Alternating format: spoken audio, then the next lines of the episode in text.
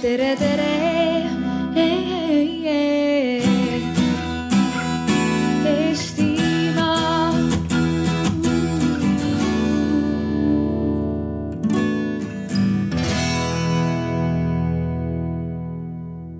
tänase ja üldse selle aasta ürituse viimast debatti siin telgis. teemaks on, kas pensioni teine sammas on raha põletamine. Ma tutvustan rääkijaid.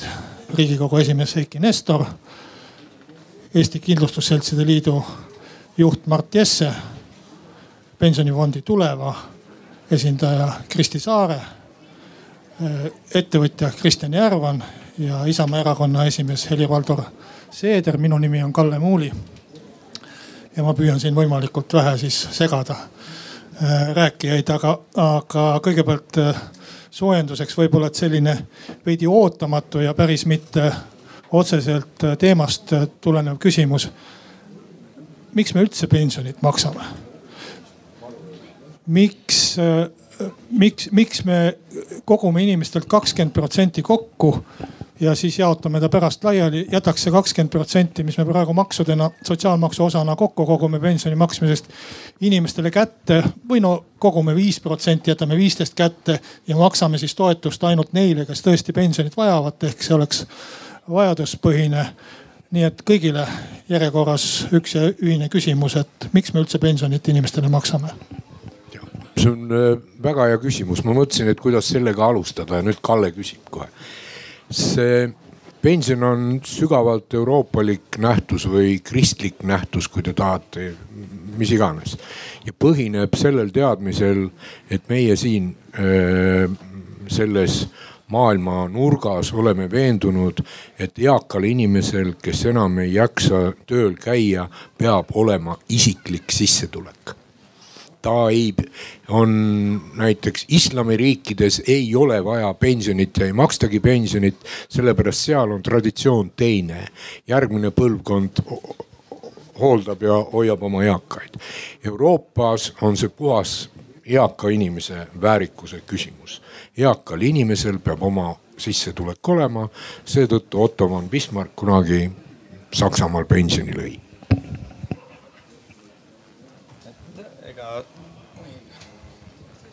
ega tegelikult äh, ka islamiriigid, Aasia riigid, äh, kes ajalooliselt osundavad, et vaadake, nagu meil ei ole Euroopale ja Ameerikale sarnast pensionisüsteemi, et meil on väärtushinnangud oluliselt paremad, et. et meil elavad perekonnad koos ja lapsed toetavad, lapsed toetavad vanemaid. see aga hakkab läbi saama. et tööstusrevolutsioon küll leidis aset juba mitusada aastat tagasi, aga paljudesse riikidesse on see alles praegu jõudmas noored kolivad linnadesse ja ütleksime sellised kogukonnad, mis kunagi olid, on ära lagunenud, et need pensionisüsteemid, mis on nii-öelda, nii-öelda vanas Euroopas äh, juba pikka aega olemas olnud, hakkavad kolima ka, kolima ka mujale. ütleksime, pole sellisest nii-öelda perekonnapõhisest äh, pensionisüsteemist ka mitte mingit kasu, kui sinu laps elab sinust paari tuhande kilomeetri kaugusel ja võib-olla näiteks on oma ettevõtlusteekonna käigus üldse pankrotti läinud et kindlasti äh, uuel ajal on pensionisüsteemid vajalikud ja miks me täna räägime teisest pensionisambast äh, ja selle võimalikust põletamisest ja mittepõletamisest on see, et ilmselt vältida tulevikus sellist ähm, vajaduspõhist pensionisüsteemi, millele Kalle, Kalle osundas, et need riigid on täiesti olemas kus see pensionisüsteem on üldse vajaduspõhine, näiteks Austraalia on kõige ehedam näide. et riik ei maksa nendele inimestele mitte pennigi kellel on endal piisavat vara. ma arvan, et äh, sellist riiki me võib-olla veel ei taha. aga nii-öelda, kes seda teab, võib-olla kunagi sattume sellises elama, kui me midagi pensionisüsteemi jätkusuutlikkuse tarbeks ette ei võta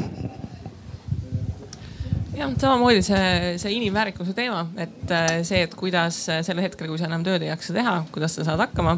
ja see on selles suhtes hea küsimus, et see, see inimväärikus, et, et kui suur see sissetulek siis võiks pensionieas olla ja milline see elukvaliteet peab olema, see on nüüd see juba väga keeruline küsimus, mis selgeks mõelda aga mõistlik, et, äh, et elu hilisemates aastates sa ei pea sõltuma sellest täpselt, et kas lapsed elavad lähedal, kas neil on võimalus sind toetada. kas kogukonnas on süsteemid, et sa saad ise otsustada enda elu üle ja sul on selleks äh, piisavalt mõistlikud vahendid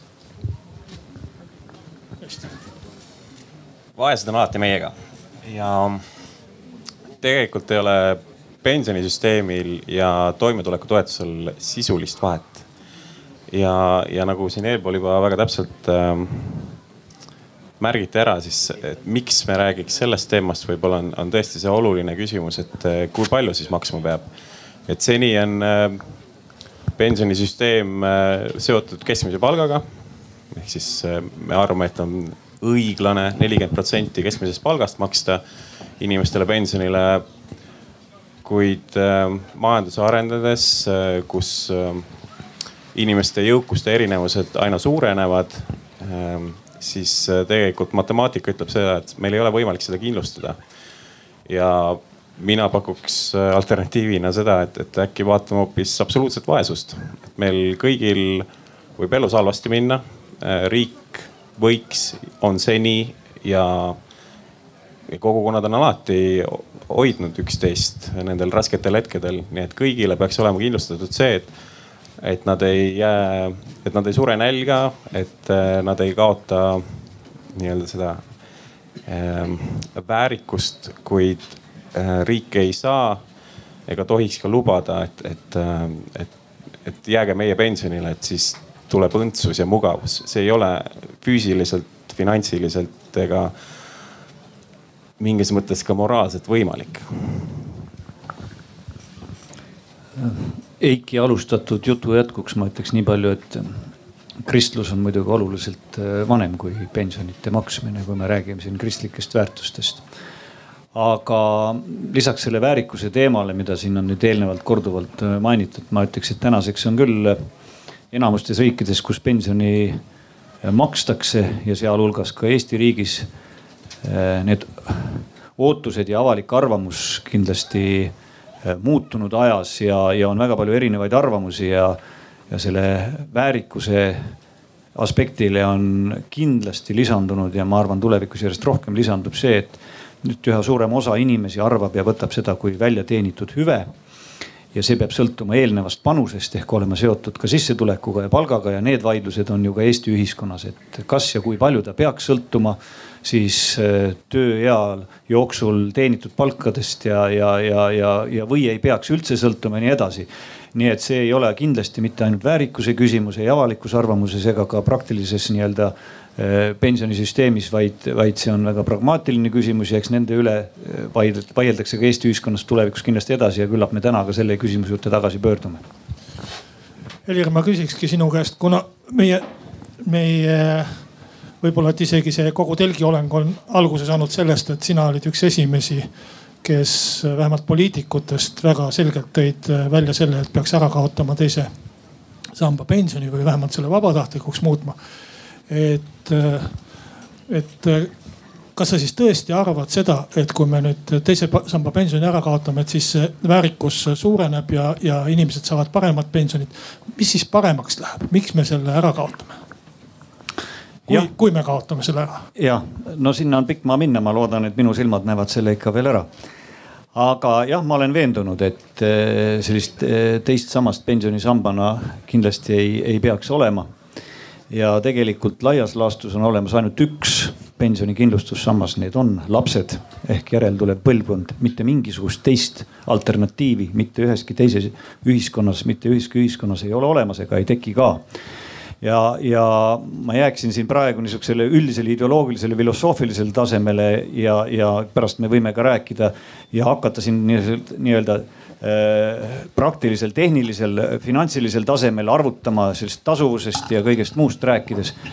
aga, aga sissejuhatuseks üldises plaanis, et miks see nii on, me kõik võime selles veenduda, et ka kõige jõukamad riigid, ükskõik millised äh, pensionisüsteemid neil ei oleks kui äh, sündimus on madal, nii nagu me näeme, et see on, siis mis juhtub? juhtub see, et see ühiskond on võimeline elama ainult sissetoodava, sisserändava rahva arvel, olgu see siis majanduse ülalpidamine või mis igatahes muu see jutt, et, et äh, oleme rahvaarvult väiksed, aga vaimult suured, et see on väga ilus küll ja, ja see on hoopis teises kontekstis. aga, aga kõige esimene asi ühiskonna jätkusuutlikkuselt on see, et, et me oleksime füüsiliselt jätku, jätkusuutlikud, et me kestame. Ja, ja äh, pensionisüsteemi puhul äh, teise samba ärakaotamine, ma olen veendunud, et see on mõistlik. Ma saan aru, Eesti ühiskond ei ole selleks valmis. Äh, esimene samm selles suunas võiks olla, et muudame selle teise samba vabatahtlikuks. Äh, kolmas sammas vabatahtliku pensionikindlustusena on meil olemas oma erisustega, maksusoodustustega, tõsi, riik ei panusta sinna, aga teeme selle esimese sammu ja, ja ma arvan, et me ühiskonnas liigume selles suunas. Äh, pensionite maksmise puhul, nii nagu tänastele pensionäridele maksavad pensioni tänased töölkäijad ja töötegijad tegelikult de facto. nii maksame ka meie oma järeltulevatele põlvedele ja nemad edasi, et see on minu arvates lausa loodusseadus, teistmoodi eh, võimalik ühiskonda üles ehitada ei ole. Eh, ja meie heaolu või meie laste heaolu sõltub sellest, kui me oleme pensionieas ja enam võib-olla ise ei ole võimelised tööjõuturul panustama siis sõltub sellest, kui elujõuline on meie järeltulev põlvkond. milline on siis majanduskasv, kui palju makse maksavad nemad, millist sotsiaalhoolekandeteenust suudavad nemad pakkuda, milliseid avalikke teenuseid suudavad nemad organiseerida ja korraldada neljakümne või viiekümne aasta pärast. sellest sõltub see millises heaoluriigis meie elame, mitte selles, kui palju me täna panustame mingisugusesse fondi, mm, äh, mis siis peaks ära lahendama meie ühiskonna probleemid neljakümne või viiekümne aasta pärast siin on veel palju aspekte, ma arvan, et me, me saame sellest diskussiooni käigus rääkida ja, ja, ja, ja ma tahaks siia kindlasti juurde lisada ka, et mitte praegu pikalt aega ära rääkida, siis võib-olla sissejuhatuseks nii palju minu poolt. ma olen järginud neid artikleid ja neid kirjutisi mind kõige rohkem häirib see, et, et inimesed ei saa aru, et maakera on ümmargune ikkagi. ma ütlen kohe otse ausalt välja, et need äh, Bismarck või loodi need pensionisüsteemid, kaasaegsed pensionisüsteemid olukorras, kus Martal ja Friedrichil oli Saksamaal kuus kuni kaheksa last.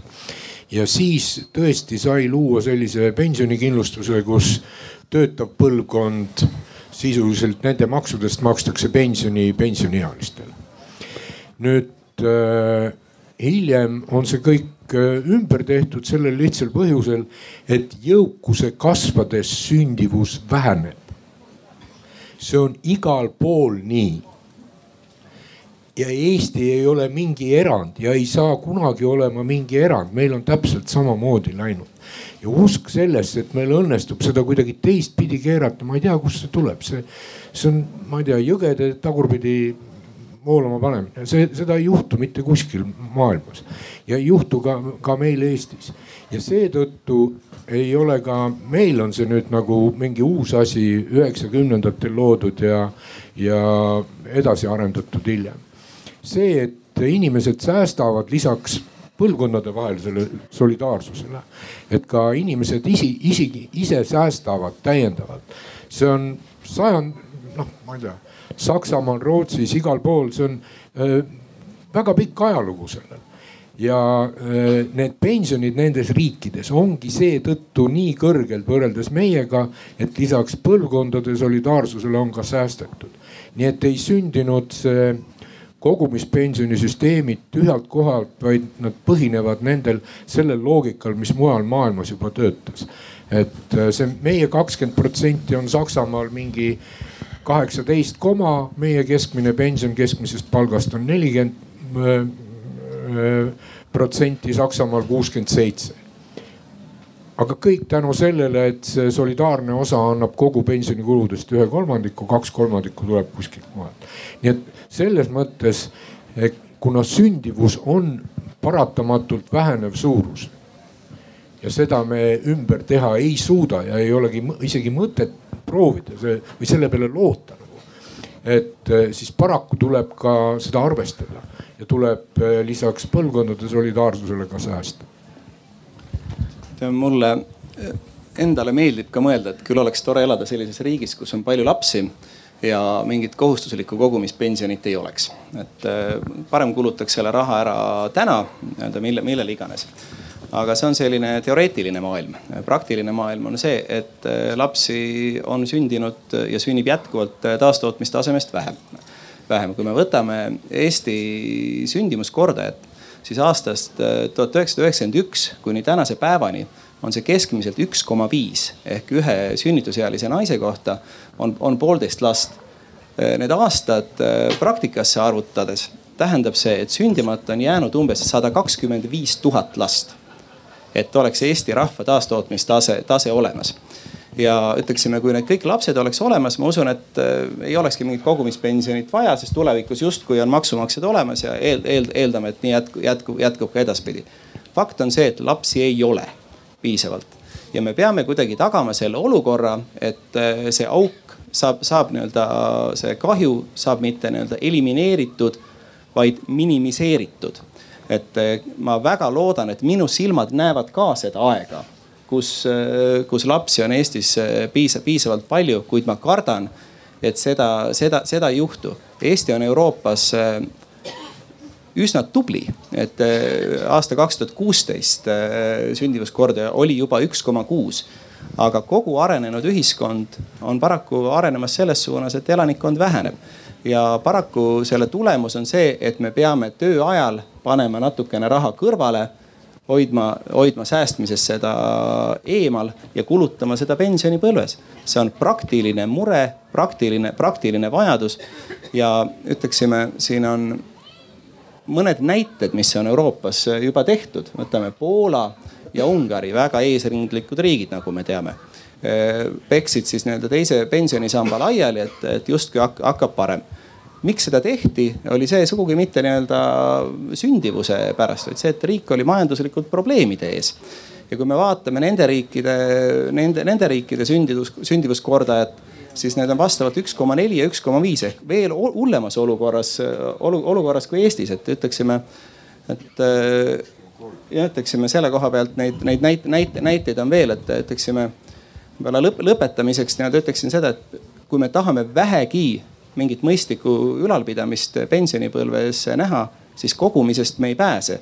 ja mina ütleksin, et just äh, meie enda laste suhtes on see äärmiselt mõistlik ja vajalik, et praegu tööjõuline elanikkond paneb kõrvale.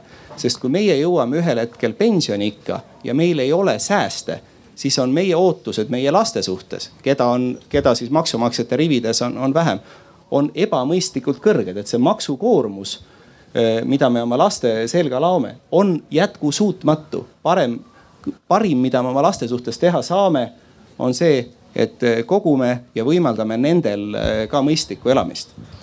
Kristjan. ja ähm, sai lõpuks põhiteema juurde ka ja siis äh, lühike vastus on, et jah, teine sammas äh, põletab raha äh,, konkreetselt teine sammas põletab pensione ja selle tõestus on tegelikult väga lihtne see raha, mida tulevased põlved maksavad oma teise sambasse, selle asemel, et meile maksta esimesse sambasse, siis on suurem raha kui see, mis meie oleme teise sambasse makstud, maksnud korrutatud fondi tootlusega. ehk see, mis meie oma teisest sambast saame.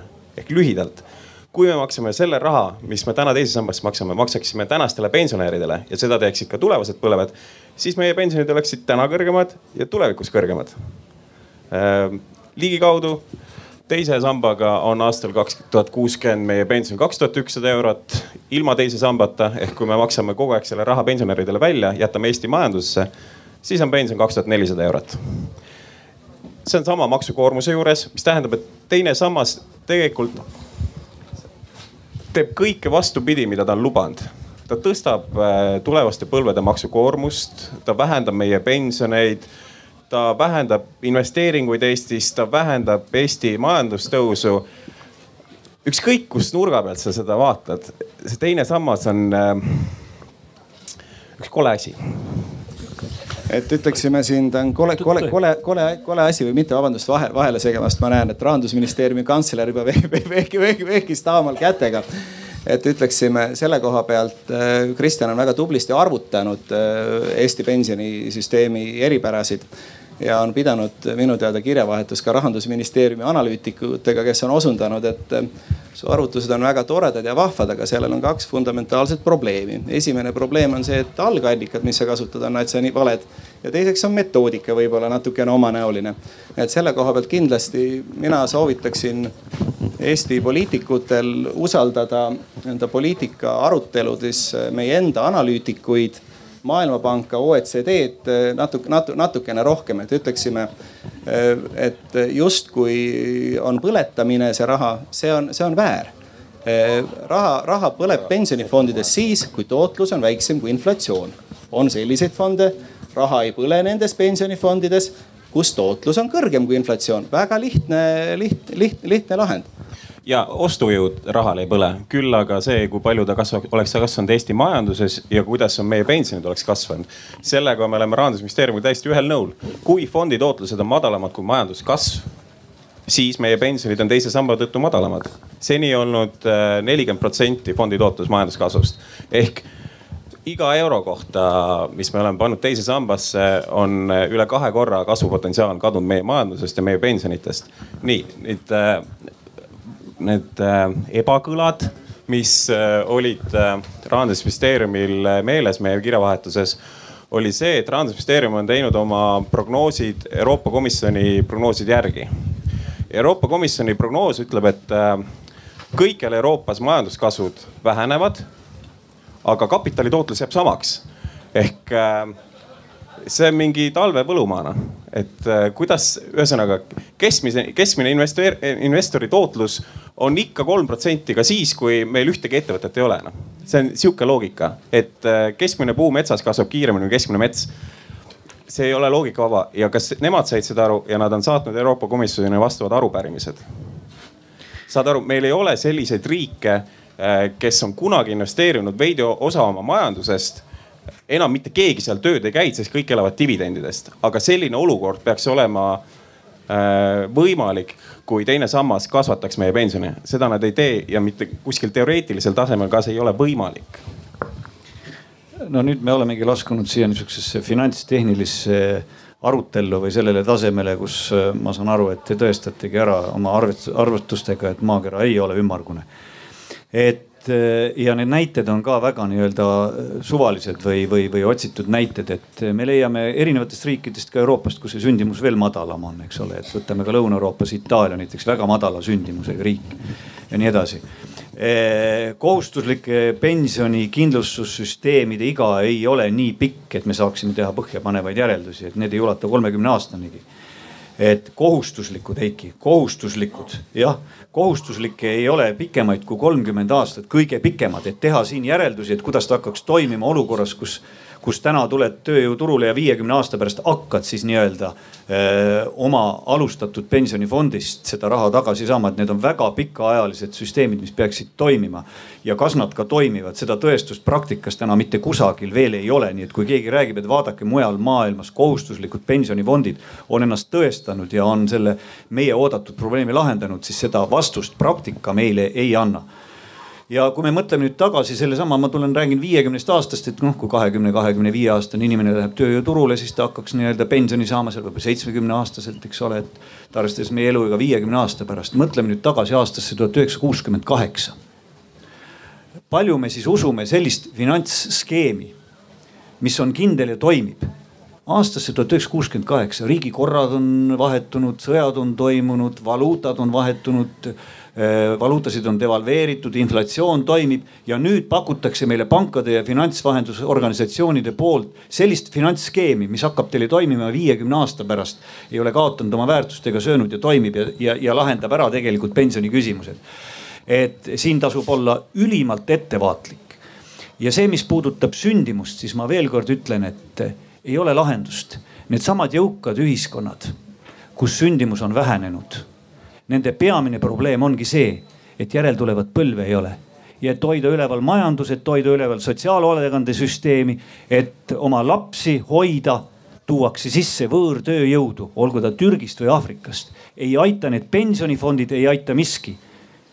see on parim tõestus selleks, et need ühiskonnad ei saa hakkama ilma järeltuleva põlveta või peavad elama jõukohaselt ja vaesemalt ei ole teist lahendust. ilma lasteta ei saa üks ühiskond edasi minna ja kui sündimus on väiksem, siis seda pikas perspektiivis, seda väiksem elujõud on ka selles ühiskonnas raha ei asenda ega hakka mitte kunagi inimesi asendama, mitte üheski ühiskonnas. ja selle peale seada üles lootus ja ehitada üles süsteemid on täiesti vale. ma kaks lühikest asja veel tahan öelda et just laste suhtes on see hästi vastutustundetu teise samba süsteemi sisseviimine ja riiklikult nii-öelda eh, seadustada, et me korjame raha kokku. Eh, ma mõtlen kahekümne, kahekümne viie aastastele inimestele, minu üks poeg on ka selles vanuses. Ja tihti öeldakse, et aga need noored inimesed ei mõtle veel nii palju ette et kui nad pensionile lähevad, et nad eh, siis oleksid ka kindlustatud, et selleks ongi vaja riiklikult seadusega kohustada, et me korjame nii-öelda raha kokku sunniviisiliselt, seadustame selle, et inimesed muidu ise ei taju, neil ei ole ka nii palju vastutustunnet, et, et see on vajalik. mina arvan, et hea ongi, et kahekümne aastane inimene ei hakka kohe surema ja ei hakka mõtlema pensioni peale. mis on kahekümne aastase inimese soov, väljakutse, kuhu minna õppima, kuidas saada haridust, tal on vaja panustada haridusse tal on vaja panustada eluasemesse ja oleks väga vastutustundetu, kui riik sellel ajal võtab tema käest kaks pluss neli või kuus protsenti palgast ära, kui ta peaks oma pere loomisse panema. pere loomisse, oma elu enda sisseseadmisse, see on elukaar. kakskümmend kuni nelikümmend on see periood, kus ta peaks panustama endasse ja oma järeltulevasse põlve. ja ma olen täheldanud, et neljakümne ja viiekümne aastased inimesed mõtlevad küll juba pensioni peale. nii et see ongi normaalne elutsükkel. noorest pärast sa mõtled, kuidas järeltulevale põlvele elu edasi kanda, kuidas oma elu edasi sisse seada. ja, ja, ja keskeas ja pärast keskiga sa hakkad mõtlema nii-öelda pensioni peale. aga võtta ära sellelt noorelt inimeselt see raha oma elu sisseseadmise ja, ja ütleme, kõige kõrgemate kulude perioodil, kus ta peaks hakkama lapsi pidama, on minu arvates vastutustundetu ja töötab vastu just nimelt sellele elutervele ja elujõulisele ühiskonnamudelile, kus me püüame nii-öelda perekeskset ja jätkusuutlikku ühiskonda luua. ümmarguse maailma äh, pooldajad on siin äh, väga äh, sõna, sõnavalve hakkama, hakkamas võtma, aga ma annaksin sõna Kristi Saarele, et kuidas selle asjaga ikkagi on, et kui Tuleva oleks aastal tuhat üheksasada kuuskümmend kaheksa teinud kohustusliku pensionifondi ajal, mil Brežnev oli võimul. et, et kuidas te oleksite ikkagi garanteerinud selle, et ma viiekümne aasta pärast, pärast kõiki neid rubla inflatsioone ja, ja muid dramaatilisi sündmusi, mis me siin oleme, vanemad inimesed üle elanud et, et ma viiekümne aasta pärast võiksin olla kindel, et te mulle selle välja maksate ja veel niiviisi, et ma saaksin väärikalt äh, vananeda ähm,. noh, ütleme õnneks äh, ühe riigi jätkusuutlikkus ei ole hetkel veel eraettevõtete käes, vaid meil on ikkagist äh, riik, mis meil jätkusuutlikkust edasi kannab ja rahvas ähm,. aga lihtsalt nagu kui me arutasime arutelu küsimusega, et, et miks me pensionit maksame ja, ja jätkas küsimusega, mis on pensionisüsteemi eesmärk, et pensionisüsteemi eesmärk ei ole teha perepoliitikat mitte keegi siin ei vaidle vastu sellele, et oleks tore, kui Eestis oleks rohkem lapsi, kui peredes oleks rohkem lapsi. me teame, et eestlased tahaksid rohkem lapsi saada, aga kasutada nagu pensionisüsteemi argumendina, et kui me nüüd äh, selle kuus protsenti jätaksime inimestele kätte ja samal ajal kaotaksime ära osa turvavõrgust, mis nende vanemaid ja vanavanemaid aitavad, et sul ei ole seda hoolduskohustust. et siis nüüd äkitselt need lapsed hakkavad sündima, mida kuskil mitte üheski teises arenenud riigis ei ole sündinud. et äh, siin laval oli ka minu meelest äh, hommikupoole oli ka vist ähm, kuidas sünniks palju lapsi või mingi selline teemaline arutelu ja, ja noh, perekonnapoliitikaga tegelemine on väga tänuväärne aga pensionisüsteem ei ole perepoliitika meede tegelikult. aga seda keegi ei räägi. saab selle lahutada. saab ei saa. seda ei saa. et ma arvan, et võta, võtame, võtame nüüd päris, võtame nüüd ikka selle asja, asja palun juppideks, et, et pensionisüsteemi eesmärk, pensionisüsteemi laias laastus on kaks eesmärki. indiviidi tasandil on eesmärk äh, tagada toimetulek äh, siis, kui sa oled tööturult välja tulnud teine eesmärk on riigi vaates. riigi vaates on, on eesmärk tagada, tagada seda, et vanemaealised ei elaks vaesuses. kaks, kaks eesmärki ja ülejäänud aspektid, mida on vaja arvesse võtta et on vaja, vaja, vaja vaadata, et pensionid oleks adekvaatsed ehk pension on, on piisavalt kõrge. et eh, pensionisüsteem on taskukohane, et pensionisüsteem on jätkusuutlik eh, ja, ja paljud muud sellised asjaolud ja see, et, et näiteks räägitakse, et võtame nüüd see nii-öelda, võtame teise pensionisamba ära, hakkab palju lapsi sündima, see ei ole nii. no see, no see ei ole nii. täpselt, täpselt samamoodi, täpselt samamoodi nagu unistavad endised töötud pankurid praegu. et eh, issand, kui kahju pensioniraha ei investeerita Eestisse, et andke, müüsime paar, mõned aastad tagasi Eesti ettevõtted välismaistele investoritele maha.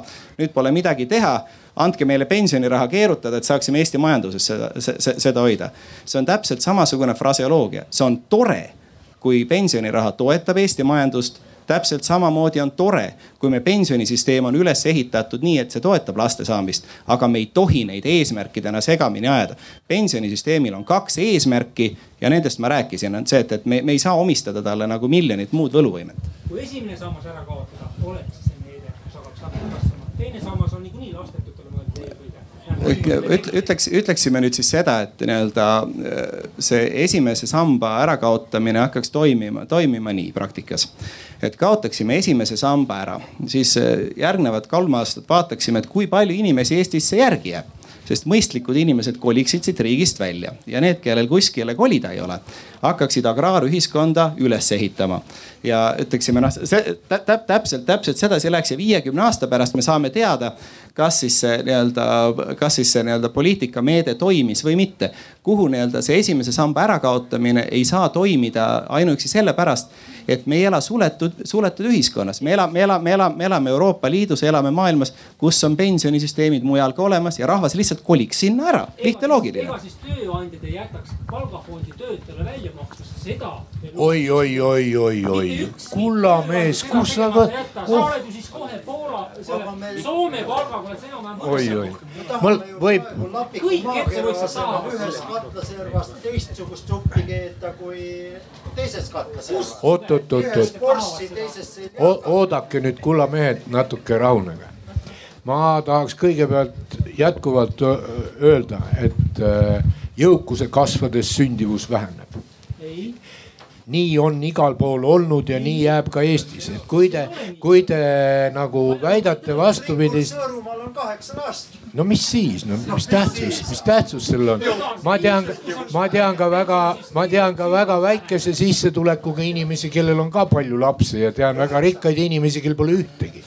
see, see ei oma tähtsust. teiseks, mis ma tahan öelda, et, et ma usun, et te ju et kohati see kriitika nende sammaste vastu näib mulle naljakas. ma tahaks küsida, et kas te hoiate oma raha endal kodus või? palga võtate sulas välja, viite koju, pangas ei hoia ma tahan öelda, hoidke raha jätkuvalt. nii, nii, nii selline tunne jääb, sest vaadake kogu, tegemist on säästmisega selleks ajaks, kui ma ei jaksa enam tööl käia. See, see on tõesti, ma olen täiesti nõus äh, selle väitega. ma ütlen tõsiselt, näiteks Sõõrumaal ei ole vaja kohustuslikku kogumispensioni absoluutselt, kindlasti ei ole vaja ja mitte seetõttu, et tal, tal on palju lapsi, vaid seetõttu, et tal on palju vara kogumispension on neile inimestele, kes igapäevaselt ei investeeri, ei loe börsiteateid. me. iga elanik investeerib, iga päev. kogu Eesti majanduskasv on meie kõikide otsuste summa kõik on, kes paigutavad raha kinnisvarasse, oma lastesse, otsustavad, kus kohal nad tööl käivad. tänu sellele Eesti majandus ja kogu rikkus siin kasvabki. aga nüüd me võtame sellest majandusest väikse piruka ära, no tegelikult see ei ole päris väike, see on nelisada miljonit. Oh. ja paneme teise sambasse, kus ta äh, kasvab üle kahe korra aeglasemalt. kullamees. nii, kuulan sind. Vaata, maakera on ümmargune. okei okay usuvabadus, mina usun, et kandideerib. ma olen aru saanud. lase, laseme vast Eikil ära rääkida. ma olen aru saanud sellest. nüüd on esimese kohustusliku kogumispensioni ei olnud mitte kolmkümmend aastat, vaid selle loomisest on siis viiskümmend aastat. ja esimese kohustusliku kogumispensioni tegi eh, Kalle enese teadmata pani täppi. see nimi oli küll erinev, selle mehe nimi oli Pinochet kes tegi selle Tšiilis ja tegi nii, et ütles ühel päeval Tšiili, Tšiili rahvale, et pensionärid enam pensionit ei saa ja kõik need, kes käivad tööl, need peavad hakkama kohustuslikus korras koguma. see oli esimene reform. demokraatlikes riikides niimoodi ei ole saanud teha ja tänu jumalale ei ole saanud teha. et. Äh, mis see point on? Mis see point on? point on lihtsalt selles, et, et niikaua kuni te ajate segamini erinevad selle mõiste, miks on pensionit vaja. nii kaua te ei suudagi elu sees teist sammast äh, nagu armastama. Äh, armastama hakata või isegi ära seletada. ja pigem ma ütleks nii, et, et mis, et Helir, et miks sa siis teisest sambast räägid ja mingist vabatahtlikust, sa tahad üldse pensionid ära kaotada? See on ju tegelikult selle jutu uba, et kui niimoodi samm-sammult edasi minna, siis pole ka esimest sammast. ma, ma, ma, ma võtaksin korra sõnajärje ja, ja, ja küsiksin siia selle teise samba jutu sisse niiviisi, et äh, kuna ta meil on praegu olemas äh, ja Helir siin rääkis, et äh, võib-olla, et kuskil kaugemas tulevikus võiks ära kaotada, aga, aga on ju olemas veel üks vaheaste, kas kohustuslik või vabatahtlik. et, et äh, ma küsiksingi nii, et miks ta peaks meil olema kohustuslik, et kui me räägime äh, et inimesed saavad ise vabalt investeerida, valida investeerimisobjekti või mis iganes. ja, ja samamoodi võiks ju olla siis ka ütleme, et ta on samadel tingimustel, et riik paneb neli protsenti ja või kui inimene paneb kaks protsenti sisse, et siis riik paneb neli juurde. et, et miks me ei võiks seda siis inimestele vabatahtlikuks teha, et igaüks valib, et võib-olla ta tahab kuidagi teistmoodi oma seda kahte protsenti investeerida siis äh, meil on ilus selge näide kolmanda sambaga, mis on puhtalt vabatahtlik. seal, seal riik ei panusta juurde, seal riik teeb maksusoodustusi. ja ei, aga ma toon näite ja kolmas sammas Äh, Eestis äh, sisuliselt hukkus siis, kui inimestel oli raha vaja.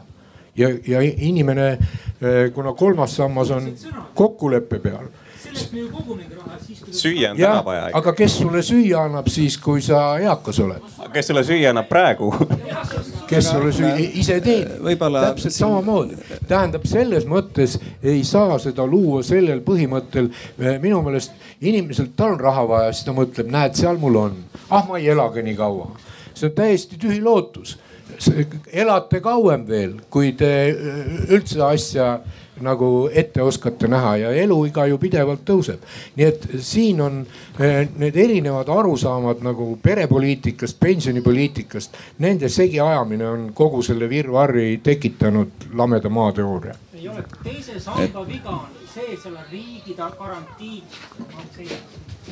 teise samba viga on ainult see, et seal on riigi garantii garant ja siis riiklikult piiratud investeerimisvõimalused. kui teine sammas töötab, olgu ta või siis kohustuslik, töötab konkurentsipõhiselt, siis selle tootlikkus tõenäoliselt ületaks keskmist majanduse kasvu. vaevalt, et oleks investeerimisfondide tasemel, mis on suure riskiga, aga sealkandis ta umbes oleks. nii sai see kunagi alustades disainitud, et on mõeldud selliselt toimima.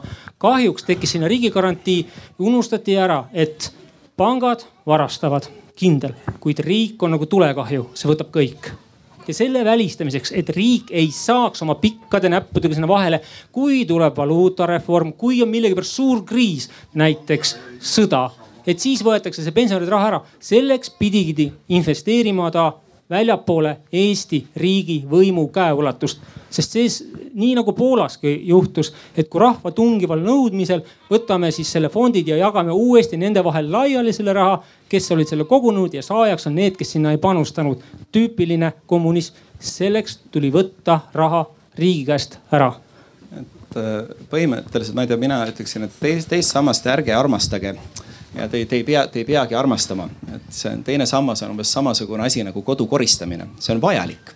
Me mitte keegi me ei armasta koristamist, aga meile meeldib see, et, et, et ühe, ühel, ühel hetkel on meil tuba, tuba puhas. Ja pensionisüsteemiga on täpselt samamoodi.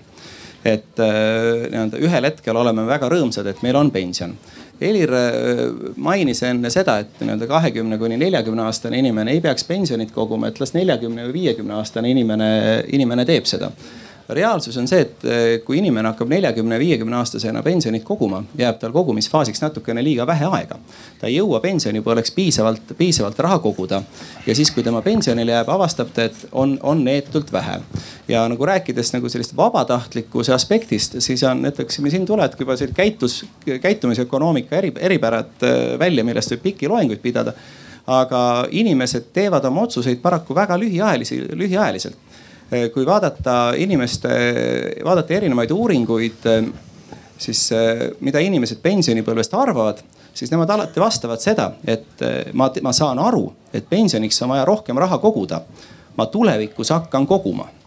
aga ta kulutab praegu ära ja see ongi see, see ongi see suur häda et tulevikust ühel ilusal päeval saab olevik ja sa ikka lükkad seda, lükkad seda säästuotsust edasi ja viimane aspekt, ma lõpe, lõpetan ära on see, et rääkides, rääkides nagu riigi poolt kohustuslikku, kohustuslikus, kohustuslikkuse eripärast on see, et kui küsida pensionile jäävalt inimeselt seda, et mis ta arvab, kui pikka aega tema veel elab, siis tema alahindab oma elada jäänud aastate pikkust ja ta elab keskmiselt kakskümmend viis, kolmkümmend protsenti kauem. Ja ainuüksi tänu, tänu sellele, kui jätta need otsused inimese enda teha ja isegi kui siis, kui ta oleks täiuslik eh, finantsmatemaatik, siis see projekt ebaõnnestub. sellepärast, selle, selle, sellepärast, et ja. ei jää oma suremisaeg ette. mul on kaks punkti, üks on see tootluste erinevus. Eh, suheldes rahandusministeeriumi ekspertidega, siis põhimõtteliselt me jõudsime arusaamale, et eh, esimene sammas kasvab koos palkadega teine sammas kasvab koos kapitaliga. Need mõlemad kasvud on tegelikult võrdsed ideaaltingimustel majanduskasvuga, sellepärast et vastasel korral mingi hetk oleks niimoodi, et eh, kas kogu tulu majandusest läks palkadeks või siis ettevõtte omanikele. aga ei, see on tasakaalus, need asjad kasvavad sama kiiresti aga nüüd on väga, oluline erinevus esimese ja teise samba vahel. kui esimese samba vahel, esimese samba puhul on meil niimoodi, ähm, niimoodi, et me korjame raha kokku maksudena, jagame laiali, kõik siis teise samba puhul on meil niimoodi, kogume raha kokku, viime fondidesse, fondid ostavad endale aktsiaid, müüvad aktsiaid turul maha, siis ostame mingid kindlustuslepingud ja siis hakkame raha kätte. seal igal pool vahel on mingi tüüp, kes tahab oma palka ja ei, noh, pangad ei ole nagu tegelikult pätid, aga nad kõik tahavad oma töö eest palka. ja see, selle tõttu see raha väheneb oluliselt teise sambaga kasutades, ligikaudu üks kolmandik, ideaaltingimustel tegelikult palju rohkem. ja see teine punkt, mis siin oli, et, et äh, inimesed on lihtsalt lollid, et nad ei säästa. ei, vaatame kogu Euroopa statistikat, kõik riigid, olenemata pensionisüsteemist, äh, mis neil kehtivad noores eas inimesed säästavadki vähem, äh, sellepärast et neil on tõesti nagu enne välja toodi, neil on vaja osta kodu, neil on vaja lapsed üles kasvatada, äh, haridust, kõik laenud tagasi maksta, kõike mis veel ja nüüd tuleb veel oluline aspekt juurde, meil on palgakasv, Eestis oli tohutu palgakasv, äh, see jätkub veel tulevikus, kuna äh, põhimõtteliselt meil on majanduskasv ja inimesi jääb vähemaks, mis tähendab, et palgakasv ületab meil kogu aeg majanduskasvu, kuna sama töö teeb vähem inimesi ära, siis nende palk kasvab. Nii, mis tähendab, et, et kui sa noores peas hakkad äh, säästma ja paned a la kakskümmend protsenti oma sissetulekust kõrvale, siis äh, see oleks äh, kahekümne aasta pärast sama hea, kui sa paneksid ühe protsendi oma sissetulekust kõrvale. noh, et see on mõttetu ja selle, seda näitab, inimesed ei ole lollid. statistiliselt nad on väga targad inimesed keskmiselt ja nad säästavad täpselt siis, kui on õige aeg. kuid nõus, alati võib kõigil elus halvasti minna ja sellepärast on meil esimene pension, esimene pensionisammas. ma tahtsin öelda, et natukene korrata seda ja, ja, ja lükata ümber vist aru saama, et, et inimesed on rumalad ja vastutustundetud eh, oma tuleviku kujundamisel ja korraldamisel ja suudavad langetada ainult lühiajalisi otsuseid.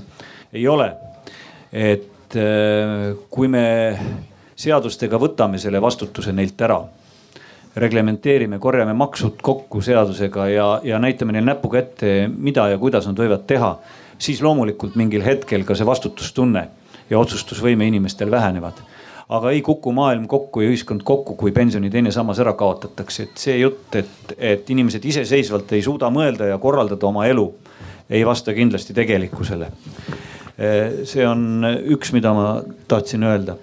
nüüd teine asi, et tõepoolest on nii, et inimese elu esimesel poolel, kui ta on noorem, tal ongi seda raha rohkem vaja oma igapäevaelu äraelamiseks, ta peab äh, investeerima, ta peab äh, oma peret ülal pidama, järglasi ülal pidama.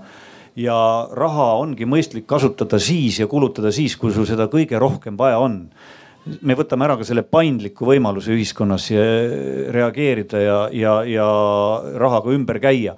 et see esimene samba loogika, ideoloogia on palju paindlikum ja mõistlikum me saame seda vastavalt majanduslikele võimalustele, olukordadele ja kriisidele ka kasutada.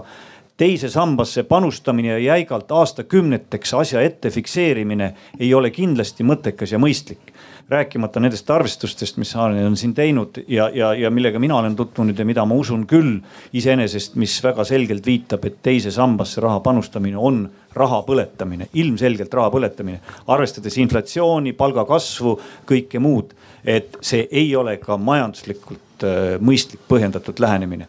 ma saan aru küll pankade ja finantsvahendussektori huvist, kes ütlevad, et kogu selle süsteemi kõige suurem puudus on, et raha on vähe ja tuleb veel juurde panna.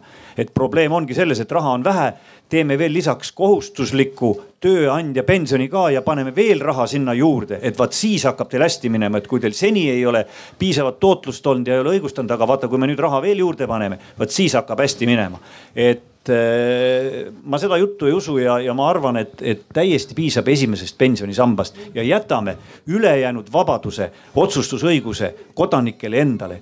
kes paneb kinnisvarasse, kes paneb kulda, kes investeerib väärtpaberitesse, kes tegeleb ettevõtlusega, kes lastesse. jätame selle otsustusvabaduse inimestesse, usume inimeste talupojatarkusesse rohkem. see on plaanimajandus versus turumajandus. Kristi, mis siis juhtuks, kui me jätame inimestele selle vabaduse äh,? Mina lisaks oma töökohale tulemas äh, tegelen igapäevaselt äh, finantsharidusega, äh, inimestega, kes tahavad oma rahaasju korda saada, õppida investeerima, kõike muud. ja siin viimase viie pluss aasta jooksul olen kindlasti julgenud suurusjärgus tuhande, kahe tuhande inimesega nende finantsharjumuste ja hariduste teemal ja, ja mulle iseenesest väga meeldiks see idee, et iga inimene analüüsib oma rahaasju, planeerib, paneb kõrvale, säästab, investeerib hetkel Eesti ühiskonna finantsteadlikkus ei ole kahjuks sellisel tasemel. ja selle asemel, et me sunniksime iga arsti, õpetaja, lasteaiakasvataja või, või mis iganes inimesed nüüd palun pühenda aega selleks, et süveneda äh, finantssektori ja investeeringute detailidesse kas ei oleks mõistlikum, et meil selle asemel oleks toimiv, mõistlik riiklik süsteem, mille peale inimesed saavad loota ja nemad saavad pühenduda kõikidele teistele oma elus vajalikele asjadele, kasvõi näiteks laste tegemine, mis siin nagu väga teemaks on. ma tahan, mul paar mõtet tuli, esimene oli see, et kuidagi vaatame tulevikku. et üldiselt panete tähele, et maailmas on börsid, et seal nagu sinna pannakse raha ja teenitakse raha ja teinekord saadakse tappa ka. üldiselt panete tähele, et antakse välja võlakirju, mille pealt saab teenida. et, et kõik on ju väga lihtne, inimlikult lihtne. et kui inimene tahab esitada maja, ta hakkab raha koguma näiteks, kogub mingi summa raha. nüüd ta ei mõtle ja hakkabki ehitama aga see, mis ma siin kuulen, aga mine tea, võib-olla tuleb sõda, no mis ma tast ehitan, pommitavad katki veel. tähendab, me ei tee ju sellist otsust, eks ju. tähendab ja et öelda, et mis saab äh, aastakümnete pärast, lähtub tõesti tänasest loogikast ja tänane loogika ütleb, et äh, arvestades seda, et sündivus väheneb, siis see süsteem ei saa tagada eakale põlvkonnale normaalset sissetulekut. väga lihtne, nii, nii lihtne ta ongi ma, meil, meil on väga hea. Kalle tohib, ma ütlen lihtsalt siia. Eiki, ma tahan sulle öelda, et no, nii, sündimus ühe, väheneb, ma tahan selle kohta öelda, et. ma ühe lause. sündimus vähendab, seda ei tasanda mitte see teine pensionisammas, vaid tasandab tegelikult kogu rikka lääne ühiskonna puhul sisse tulev uus elanikkond see on Prantsusmaal nii, see on Inglismaal nii, see on Rootsis nii, see on Saksamaal nii mis tõestab veel kord, et tegelikult järeltulev põlvkond on see pensionisammas, mitte need fondid ega pensionisüsteemid. aga ma kindlasti protestin, et ma, mina ei ole kunagi öelnud, et inimesed on rumalad. vabandage mind, see ei ole kindlasti nii. lihtsalt kõik ei tegele sellega igapäevaselt. kõik, kõik ei mõtle sellisel moel ja kui tal on raha vaja, siis tal on raha vaja ja ta võtabki selle näiteks see, mis juhtus kolmanda sambaga, on täiesti arusaadav. suur tööpuudus, inimestel oli raha vaja, nad võtsid sealt raha välja. Neil oli raha vaja sellel hetkel ma, ma pean nüüd tegema seda, et andma sõna nendele, kes kõige vähem seni on sõna saanud, et eh, meil on ainult hea meel selle üle, kui publik äh, ka räägib ja küsib. aga selleks teeme nii, et ma annan mikrofoni, sest äh, nagu ma aru saan, me kõik oleme otse-eetris praegu ja, ja vastasel korral ei, ei jõua see äh, jutt mitte kuhugi, kui ilma mikrofonita rääkida, aga ma hakkan siit pihta, siis ma tulen sinna et tõite väga hea näite, et kodu koristamine, et seda on ju vaja teha. aga miks te sunnite inimest palkama koristusfirmat? Enamus inimesi saab kodu koristamisega ise hakkama. täpselt sama on selle nii-öelda investeerimise valimisega. kolme lapse isa, seitsme lapse vanaisana tean ma küll, kuhu raha kulub ja kui te ütlete, et inimesed kolmandast sambast võtsid raha välja, mis neil teha oli, kui nälg näpistas? aga see on juba riigi saate teha. Kas keegi tahab kommenteerida? ja vot riigiisad teevadki seda, et oleks pensionisüsteem, mis tagaks sissetuleku eakatele inimestele ka aastakümnete pärast. selles ongi kogu vahe Tõnu Kloomp on nimi. ja ma küsiksin nüüd teist, teie käest, kes oleks nõus teist kollektsioneerima lepinguid teiste isikutega? Kollektsioneerima lepinguid. igapäevaselt sihukeseid lepinguid suvalisi. raha on olemuselt leping ja lepinguid koguda looduses, et noh, niimoodi viiekümne aasta pärast see veel on lepingupartner olemas ja kõik see, ma arvan, et see ei ole eriti mõttekas tegevus e,. ahju saab kütta jah, see on, see on samamoodi, et oled. Omandiõiguse leping on ju mul olemas. jah, ehk teiste sõnadega raha on olemuselt hetkel toimiv leping aktiivsete kodanike vahel. selle, selle tulemusena kujuneb raha hulk, mis ringleb ühiskonnas. nüüd arvata, et tehtud investeering püsib, nii-öelda raha kasvab iseenesest, ei kasva, see sõltub sellest, kui palju on aktiivseid inimesi, palju on töötegijaid. kui töötegijaid ei ole piisavalt, siis raha ei ole kuskilt võtta, ei ole võimalik võtta pensionifondide kaudu, maksustada ettevõtteid, eks ole, ette, mingi aktsiate kaudu, eks ole, et ettevõte kuulub pensionifondile ja see hakkab, see pensionifond hakkab pensioni jaoks raha välja võtma. see tähendab seda, et see ettevõte on natukese aja pärast pankrotis ja pensionifond on järgmiseks pankrotis. nii et eh, pensionifondidega ei saa rohkem koorida raha ühiskonna pealt, kui näiteks riik oma maksudega. see on ainult nii-öelda see hajutamine, hägustamine, mis, mis see pensionifondi need teine, teine ja kolmas teivas annavad. see ei anna sisuliselt midagi juurde. nii, nii et äh,. Mm, nii et, et, et ainult tulevane põlvkond on see, kes tagab. nüüd, kas äh, import äh, tööjõuühikud, tingtööjõuühikud tagavad selle, mm, selle töö tulevikus? noh, kui vaadata seda, mis toimub seal Pariisi tänavatel iga natukese aja pärast, siis on need solvunud, et kuradi rassistid, eks ole, ei lase neil elada ja vaevalt, et nad seda äh, amortiseerunud rassisti vanakesi ka on nõus oma maksudega eriti toitma. nii et nende peale eriti äh, loota ka ei saa. saab ikkagi ainult enda omade usaldusväär, piisavalt usaldusväärse oma rahva või hea küll, no äh, lätlased kõlbavad ka, soomlased kõlbavad ka veel eestlaste jaoks, aga kaugemad enam ei ole usaldusväärsed. et nende järgmise põlvkonna kaudu saab ainult seda pensioni tagada, kui palju nemad on nõus tööd tegema, kui palju nemad on nõus oma sissetulekust loovutama. praegune see pensioni teine teivas, see on noh, riiklik äh, Stalinlik äh, selline riigilaenu obligatsioon, mis on kohustuste vabalt erastatud pensionifondidele nii, mina olen Karl Sander Isamaa noorteühendusest. aga minu küsimus selline, et kõik nõustuvad, et kinnisvara on investeering ja mets on investeering. ja siis äh, pensionifondide üks argument on see, et äh, kuna nii-öelda kinnisvara ja metsa ei saa noh mõnekümne euro kaupa osta, et siis tasub see sinna paigutada. Aga kui me nüüd läheksime nii kaugele, et teine sammas oleks vabatahtlik ja sealt saaks raha välja võtta, ütleme, et siis äh, noor perekond mõtleb, et äh, võtaks kümme tuhat eurot välja selleks, et osta endale kinnisvara, teha sissemakse. et see iseenesest oleks ju mõistlik, sest see loob perele turvatunde esiteks ja teiseks on see nii-öelda pikaajaline investeering samamoodi selle nende kinnisvara saab võtta nii-öelda kahtepidi.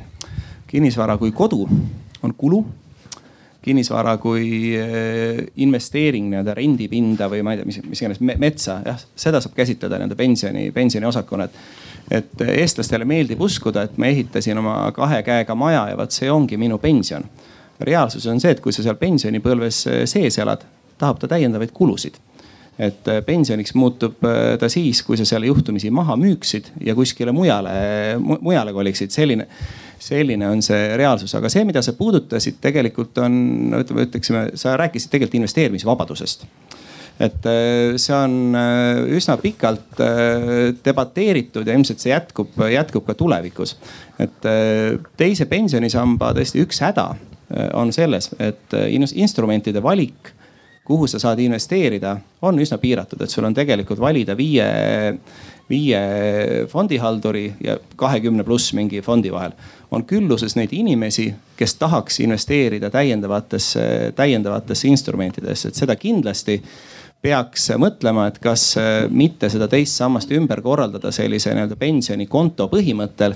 et anda inimesele endale suurem otsustusvabadus, et oletame, et sa otsustad, et noh, ma ei tea viiskümmend protsenti investeerin sinna metsafondi ja viiskümmend protsenti siis näiteks Efteni kinnisvarafondi, et ütleme sellist pensionifondi klassikaliselt ei olegi see, ei olegi seal vahepeal, et ma arvan, need on, need on nagu väga-väga mõistlikud arutelud ja siis sa ütleksime, saadki nagu võib-olla noh tunda oma investeeringut nii-öelda märksa lähemal ja sul on võrreldes äh, tänasega oluliselt suurem omanditunne ka selle investeeringu suhtes, et praegu see kuskil raha on kuskil kõrgel kaugel, et sa ei teagi, mis kelle, kelle, kelle käes ta lõpuks on?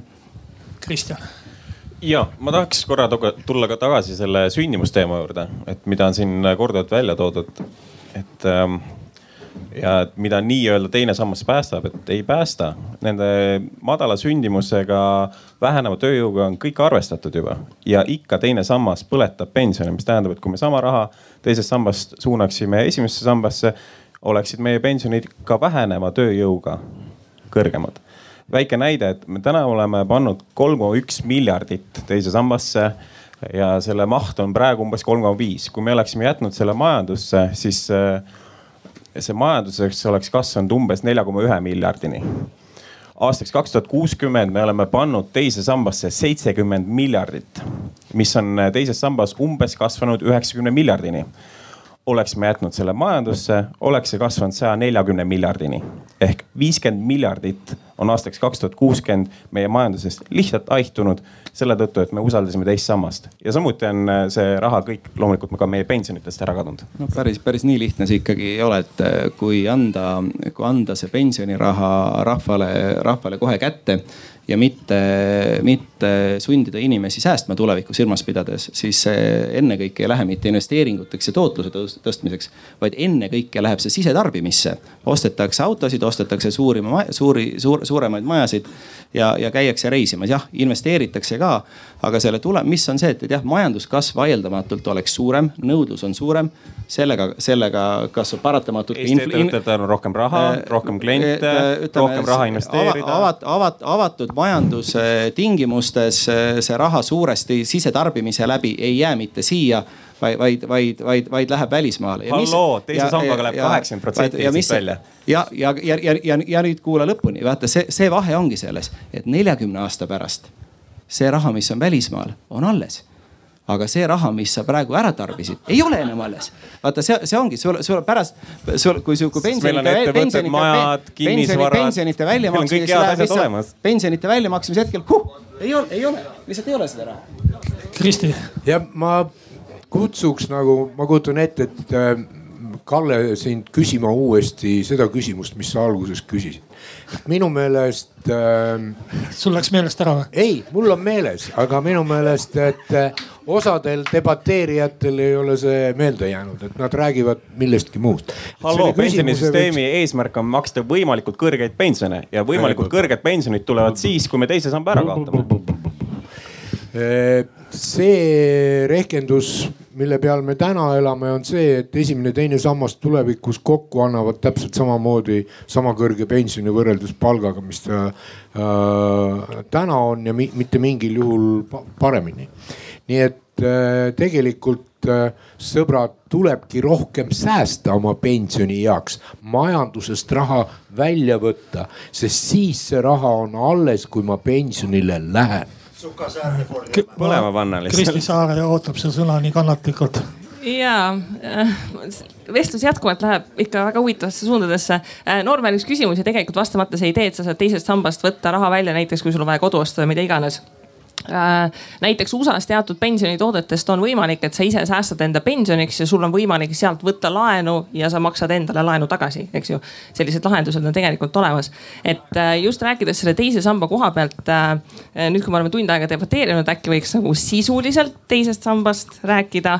et keegi ei vaidle vastu, et siiamaani siin härrasmees tõi välja, et tegelikult see eesmärk, millega teine sammas sai loodud, ei olnud ju täidetud tegelikult teenustasud on olnud kõrged, tootlused on olnud madalad, inimesed on õigustatult olnud pettunud see on see, miks nüüd lõpuks ka näiteks Tuleva sai loodud, sellepärast et inimeste pettuvus sai lõpuks kuidagi organiseeritud, et oleks vaja midagi muuta, rohkem valikuid, rohkem paindlikkust. et äh, see on kuidagi selline huvitav lähenemine, et kui me leiame, et asi võib-olla ei toimi nii, et me tahaks, et selle asemel, et teha korda, siis lihtsalt lõpetame ära. ja siis hakkame nagu uut asja nullist ehitama, et kuidagi oleks võib-olla mõistlik sisuliselt üritada süsteemi parandada, enne kui lihtsalt, et, et tõstame käed ja, ja anname alla ja vaatame, et mis saab. ma, ma küsin äh, sellesama jutu jätkuks, et äh, haldustasudest ma saan aru, need on alla läinud ja, ja võib-olla lähevad veel. aga mis alust on meil arvata, et see tootlus, mis on siiamaani olnud vist äh, Eesti teisel sambal seal null koma üheksa protsenti või noh, ütleme lihtsustatult, et peaaegu üks protsent, äh, mida ei saa ju kõrgeks tootluseks pidada. Äh, et äh, mis see põhjus on ja, ja mis alust meil on arvata, et see tootlus nüüd tulevikus kuidagi suuremaks saame, kuidas me selle siis korda teeme, selle tootluse? no, noh no see, see, see... ütleme, ma nüüd ei hakkaks kübarast numbreid välja tõmbama, nagu siin tehakse, aga noh, fakt on see, et kui sa haldustasudeks maksad vähem, siis sulle kätte jääb rohkem. teine suur probleem on see, et meie pensionisüsteem, kui ta algusest sai loodud, teise samba fondid on meil need astmed, eks ju, kakskümmend viis, viiskümmend, seitsekümmend viis protsenti aktsiates. ja väga suur hulk inimeste pensionivara on võlakirjades. lihtsalt ajalooliselt börside tootlus on kõrgem kui võlakirjade tootlus ja eriti noortel inimestel oleks pigem mõistlik aktsiaturgudel seda tootlust oodata. ja kui vaadata ettepoole tulevikku, siis noh, see, et kui vaadata praegu agressiivseid fonde mis on selliseid fonde, mis reklaamivad, nad on seitsekümmend viis protsenti aktsiaturul ja teenivad tootlust ja kui sa vaatad sinna fondi sisse siis seal aktsiaturul on suurusjärgus kakskümmend viis protsenti ja ülejäänud seitsekümmend viis protsenti on madala tootlusega instrumendid.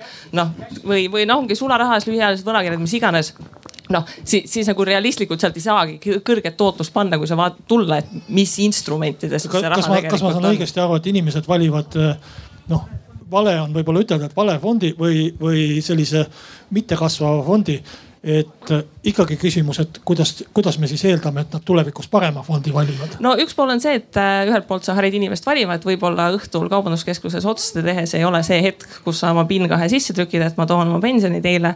Äh, teine valik on see, et see on see, kus riigi roll on rahvast kaitsta ja reaalselt see süsteem läbi töötada koos ekspertidega, võtta teiste riikide parimad kogemused ja seda süsteemi siis omalt poolt reguleerida, kui on näha, et turukonkurents ei ole hakanud toimima nii, nagu ta viisteist aastat tagasi loodeti, et hakkab. või siis sama variant nagu Tuleva puhul, et inimesed tulevad ise huvigrupina kokku ja hakkavad enda õiguste eest seisma. et noh, niimoodi demokraatlik arutelu. nüüd mul läks nagu sassi, kes on järjekorras, aga võtame siis vanuse järjekorras.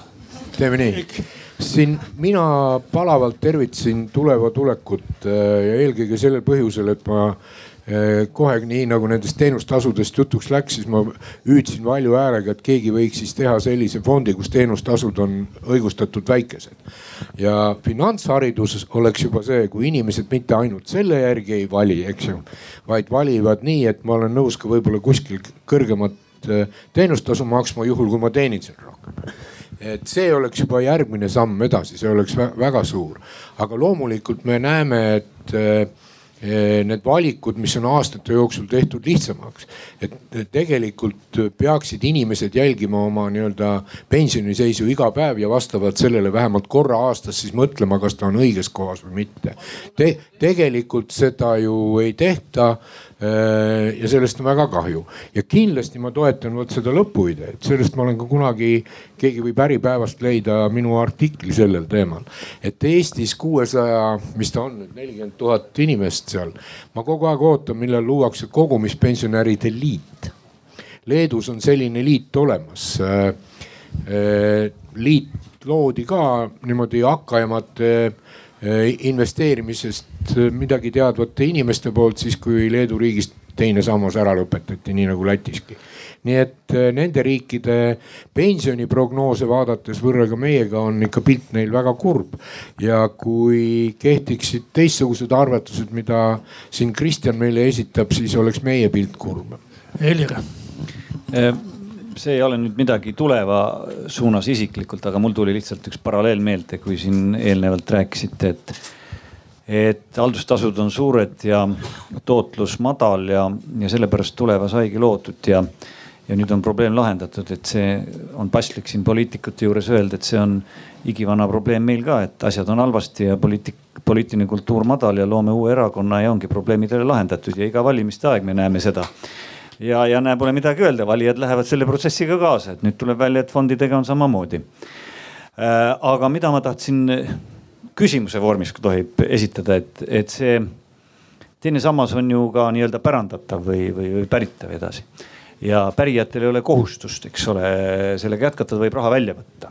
ja tänane praktika, nagu ma aru saan, näitab seda et, et üheksakümmend jah, et üheksakümmend protsenti võetakse rahast välja, eks ole, suurusjärgus ehk kui me oleme sellise süsteemi kehtestanud, siis see on ju täiesti, kui püüda nüüd teie asemele, kes te väga tuliselt teist sammast toetate, panna, et see on ju täiesti ebasihipärane raha kasutamine, eks ole, me kogume kokku ja läbi pärimise viime kogu aeg süsteemist raha välja.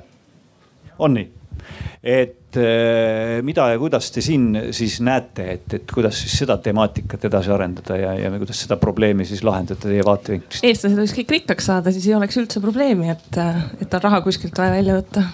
ma arvan, et äh, see, see, et äh, sa oma ema või isa või vanavanemate pärandatud rahaga täpselt nii ümber käitud, nagu sa tahad, see on tõesti sinu vaba valik, täpselt samamoodi nagu sa käitud, käitud ka tema, tema maja või metsaga, mis sinu mis on omaks on saanud, pension on kogutud, pension on kogutud äh, ennekõike nii-öelda individuaalsetel alustel ja ma arvan, et see on üsnagi, üsnagi, üsnagi mõistlik. kindlasti on võimalik, kindlasti on võimalik panna peale piirangud äh, ja siis pensionisüsteemis on rohkem raha, aga ma arvan, et see ebaõiglus, mida inimesed tunneksid, oleks nagu väga-väga suur. nii et seda nüüd..., seda vabadust te aktsepteerite, et pärijad võiksid võtta selle raha ja viia sellest süsteemist välja, et te arvan, ma arvan, et äh, mitte ükski süsteem ei ole valmis pensionisüsteem õpib iga päevaga, õpib iga aastaga ja ta peabki muutuma paindlikuks, peab muutuma individuaalsemaks, ütleksime. aga ütleksime, see likvideerimine tõesti on soovitud kujul, ma ütleksin sa oled endine põllumajandusminister, on ju. et eh, teadupärast sel aastal on üsna nagu suur ikaldusaasta meid tabanud, aga see ei tähenda seda, et me nüüd järgmisel aastal peaksime põllud ära asfalteerima, ütleme, et ei, et ei tule meil siin see põllumajandus välja.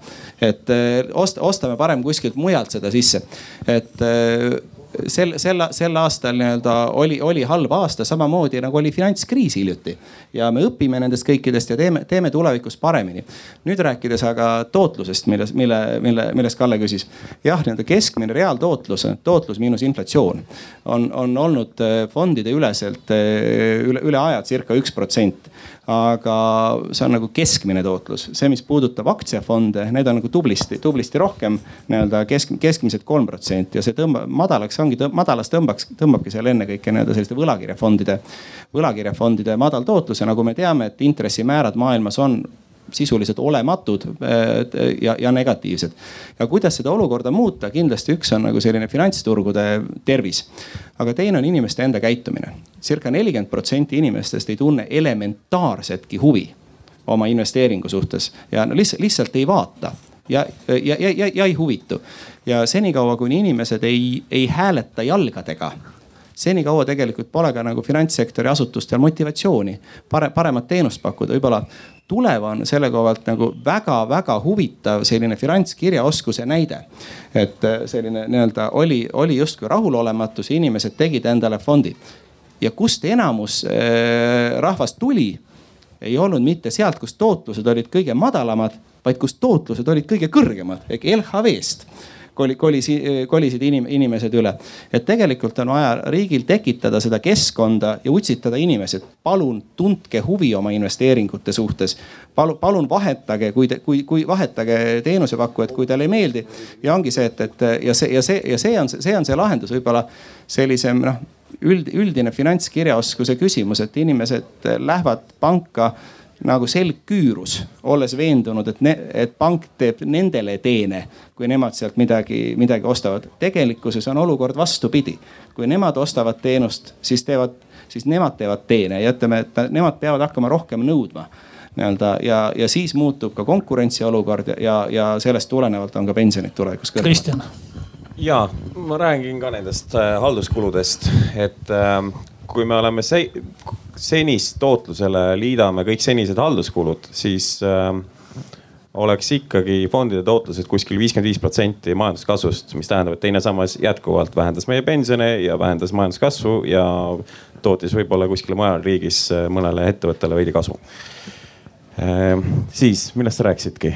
jaa. ma rääkisin päris mitmest asjast mul läks meelest ära, ma tahtsin öelda sulle ka midagi selle pealt te,. Aga... Dementsuse lava oli siinsamas äh, lähedal. ja, ja ühesõnaga see, see märge, et, et äh, õhust võetud numbrid, et see äh, haldus äh,, halduskulude üks kolmandik tootlusest, see on pärit Euroopa Komisjonilt ja veidi ka vett peale indeksfondidele, et indeksfondide ju põhimõte definitsiooni järgi on see, et nad ostavad siis, kui keskmine euro on nii-öelda turul ostnud ja müüvad siis, kui keskmine euro turul on müünud ehk nad jäävad alati keskmisele definitsiooni järgi alla.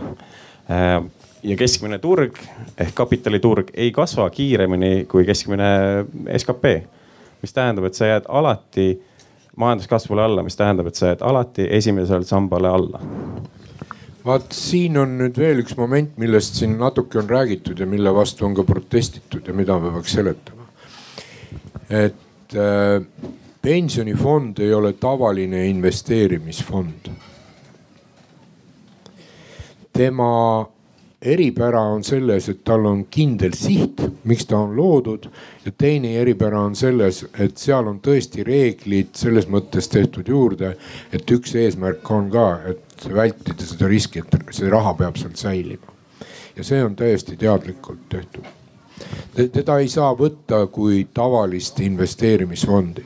Ja see, ma olen nagu äh, Marti Essega tuhat korda nõus, et, et kõik arenevad, et see, needsamad haldustasud, et selle ajalugu on ju järgmine, et Veiko Tali siin kindlasti noogutab, et kunagi oli plaan, et ei, et mis me nendest haldustasudest piirame, et küll turg paneb kõik paika ja ka kuna keegi ei teadnud, kui palju kogumispensioniga liitub inimesi ja keegi ei teadnud, kui palju neid tuleb, kes teile neid fonde pakuvad, siis pandi peale lagi, siis tuli välja, et, et kõik võtavad lae järgi. siis leiti, et parandame asja, anname inimesele sagedamini võimaluse vahetada fondi. Mitte midagi ei juhtunud, turg ei toiminud. ühesõnaga nii samm-sammult jõuti lõpuks sinnamaani, kus me täna oleme.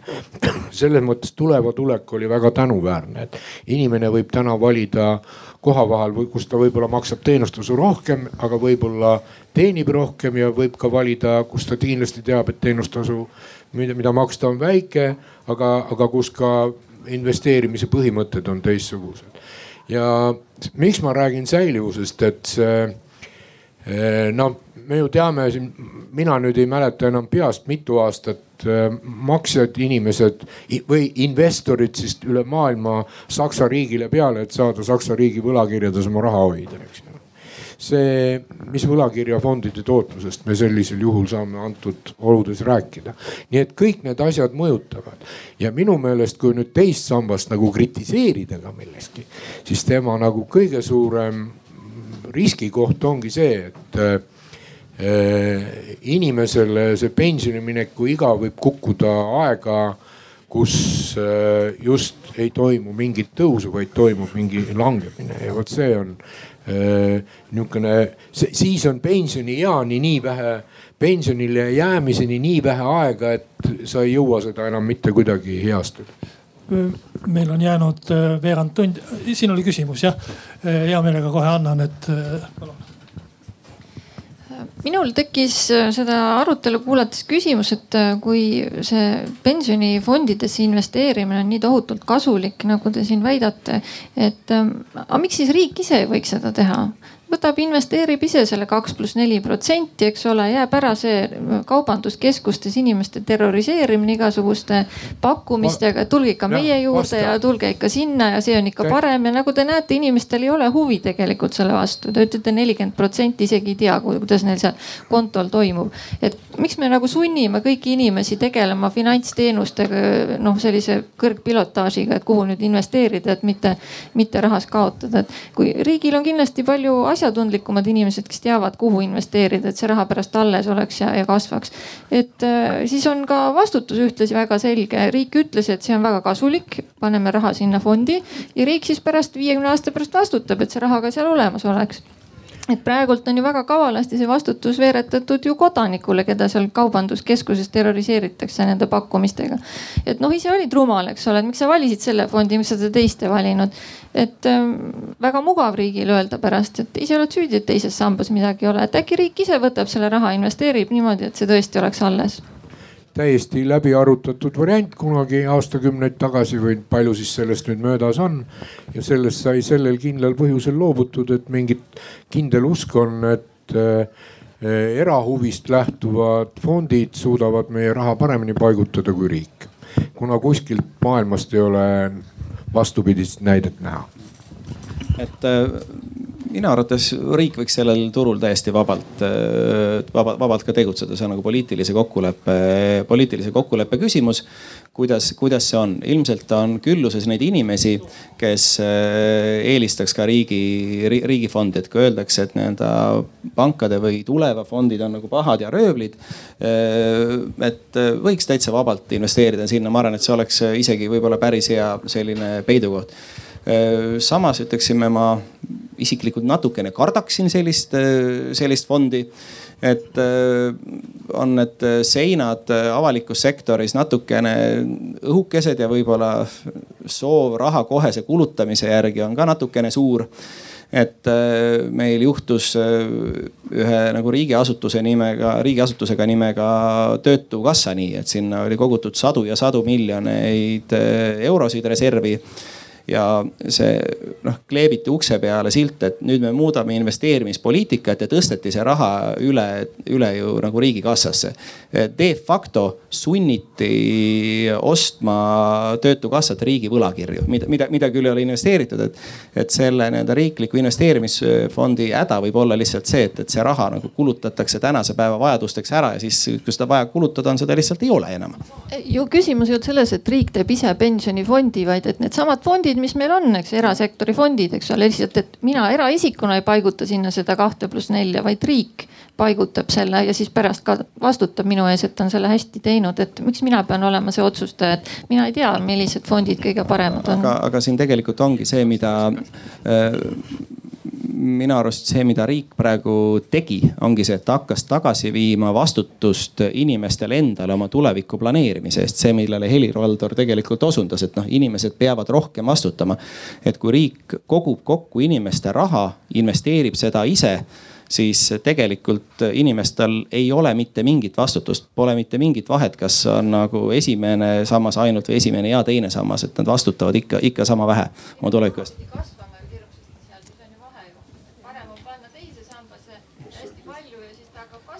ei, aga küsimus ongi selles, et kui praegu, kui praegu on mitmed teenuseosutajad turul, et äh, kui sa oled oma teenuse osutajaga rahulolematu siis sa saad sealt lahkuda.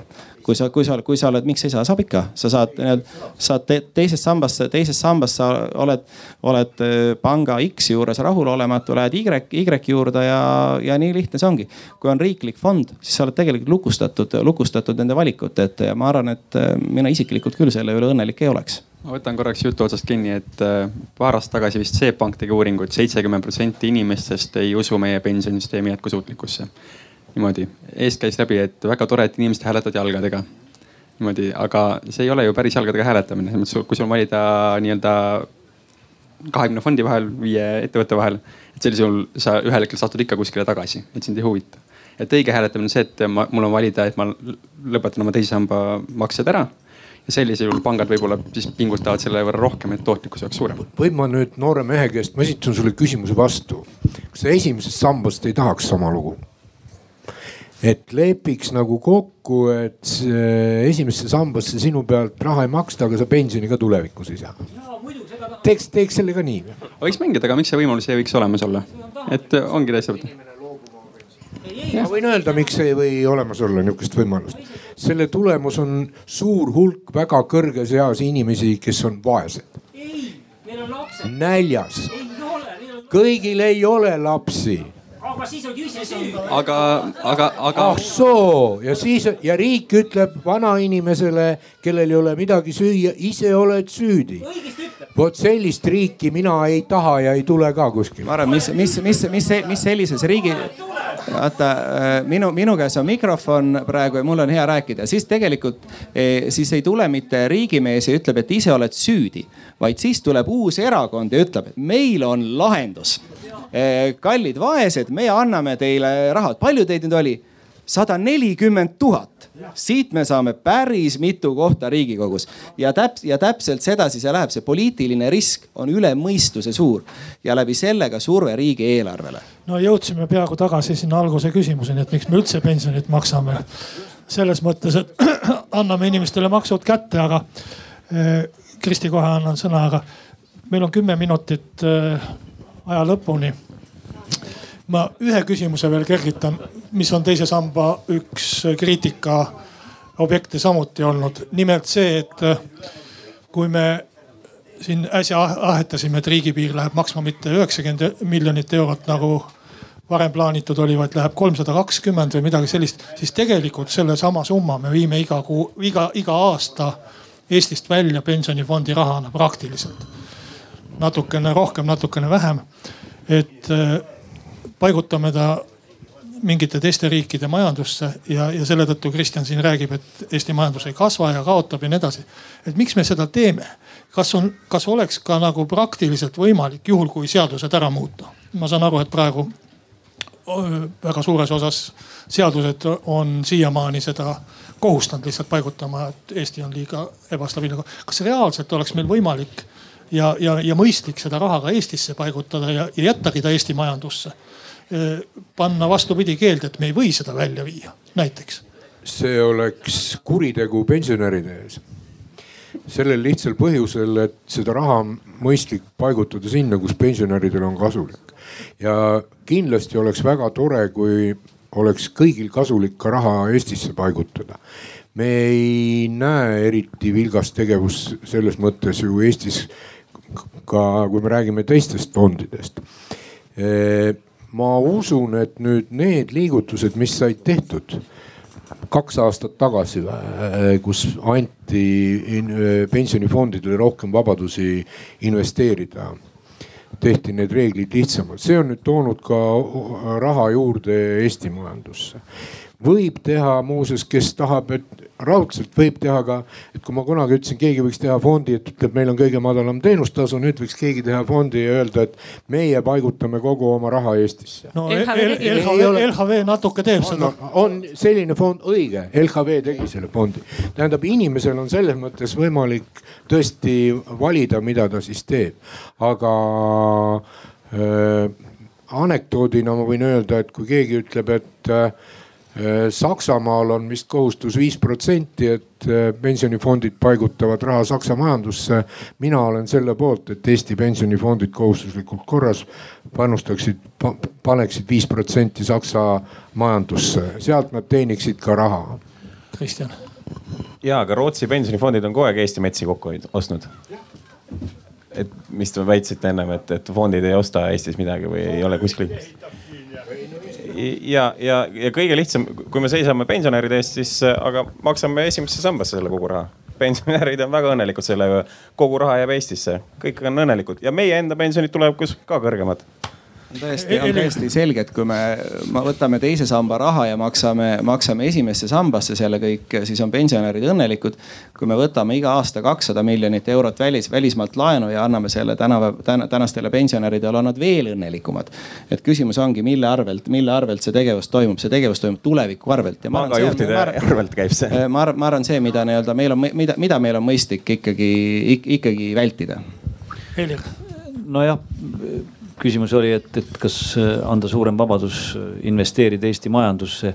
no siin eelnevalt, eel, eelnevalt me rääkisime siin, et investeeringud on ka eriilmelised ja siin selgitati, et näiteks eluasemesse investeering ei ole sugugi äh, investeering, vaid pigem perspektiivis kulu, eks ole et eks me võime selle Eesti majandusse investeerimisse ka vaadata mitme otsaga ja, ja mõõta seda väga erinevalt, et kui me ise oleme võtnud vastu seaduse ja kohustusega oma rahvalt korjame see neli pluss kaks protsenti kokku ja siis läbi eh, pensionifondi ostetakse Eesti maa näiteks ära, investeeritakse maasse, siis me oleme piltlikult öeldes iseenda rahaga omalt maa ära ostnud, et, et noh, see ei ole ka kõige mõistlikum ja targem tegu.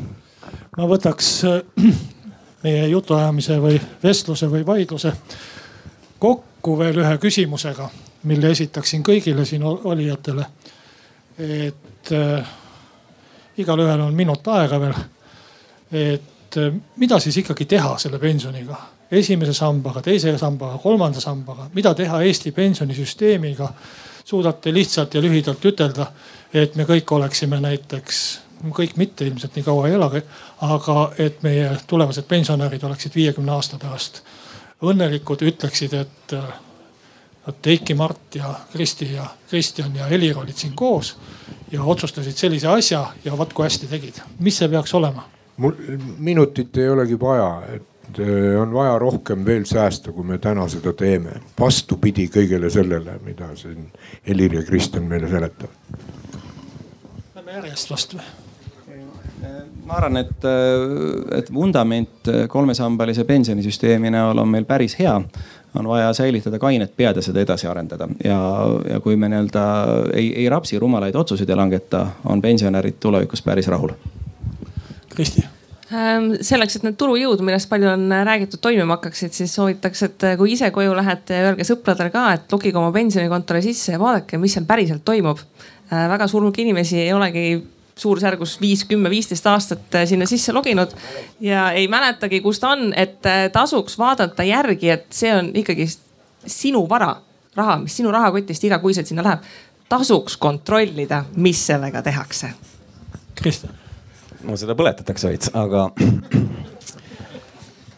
minu soovitus kõigile on, et uh, uskuge iseendasse ja kaotame selle teise samba ära jätame raha inimestele, las nad ise investeerivad, investeerige lastesse. iga laps, kes see aasta sünnib, toob miljon eurot äh, äh, siis äh, aastaks kaks tuhat kuuskümmend Eesti Riigikassasse, see on kõige parem investeering üldse, tõesti. ja hoiame Eesti elus, aitäh minu soovitus on, et ärgem uskugem ja, ja ärgem kartke seda, et et teine sammas peaks ära kaduma, et eh, see kaob niikuinii. Kindlasti kaob, aga esimese sammuna teeme ta vabatahtlikuks. Ma loodan, et sinna me jõuame kiiremini säilitame selle pensioni esimese samba, panustame sinna. see loogika, et tööealine elanikkond peab üleval oma vanemad ja kasvatab üles, üles oma lapsed ehk leiba teeniv põlvkond äh, hoolitseb nii eakate kui laste eest, see on olnud nii, see jääb ka tulevikus nii, see on loodusseadus, ärme töötame loodusseadustele vastu. lähtume sellest ja ma täiesti nõus, investeerime lastesse. see on meie tulevik ja, ja kui me nii mõtleme, siis me oleme ka jätkusuutlikud ja eluterved ja veel kord, läheme kõigepealt esimese sammuna kaotame teise samba ära. Ärme tegeleme finantsvahendussektori ja pankade otsetoetuste maksmisega ütlen ka põllumajandusministrina, kõige suurem rumalus on olnud põllumeeste otsetoetused, mis on ebaõigluse ja ebamõistliku raha kasutamise musternäidis. ja ärme teeme sedasama panganduses, see meid ei päästa ma näen küll, et siin mõni käsi on veel püsti, aga ma kahjuks ei saa enam sõna anda, sest mul paluti täpselt lõpetada. ma väga tänan osalejaid ja veelgi rohkem tänan aktiivseid kuulajaid.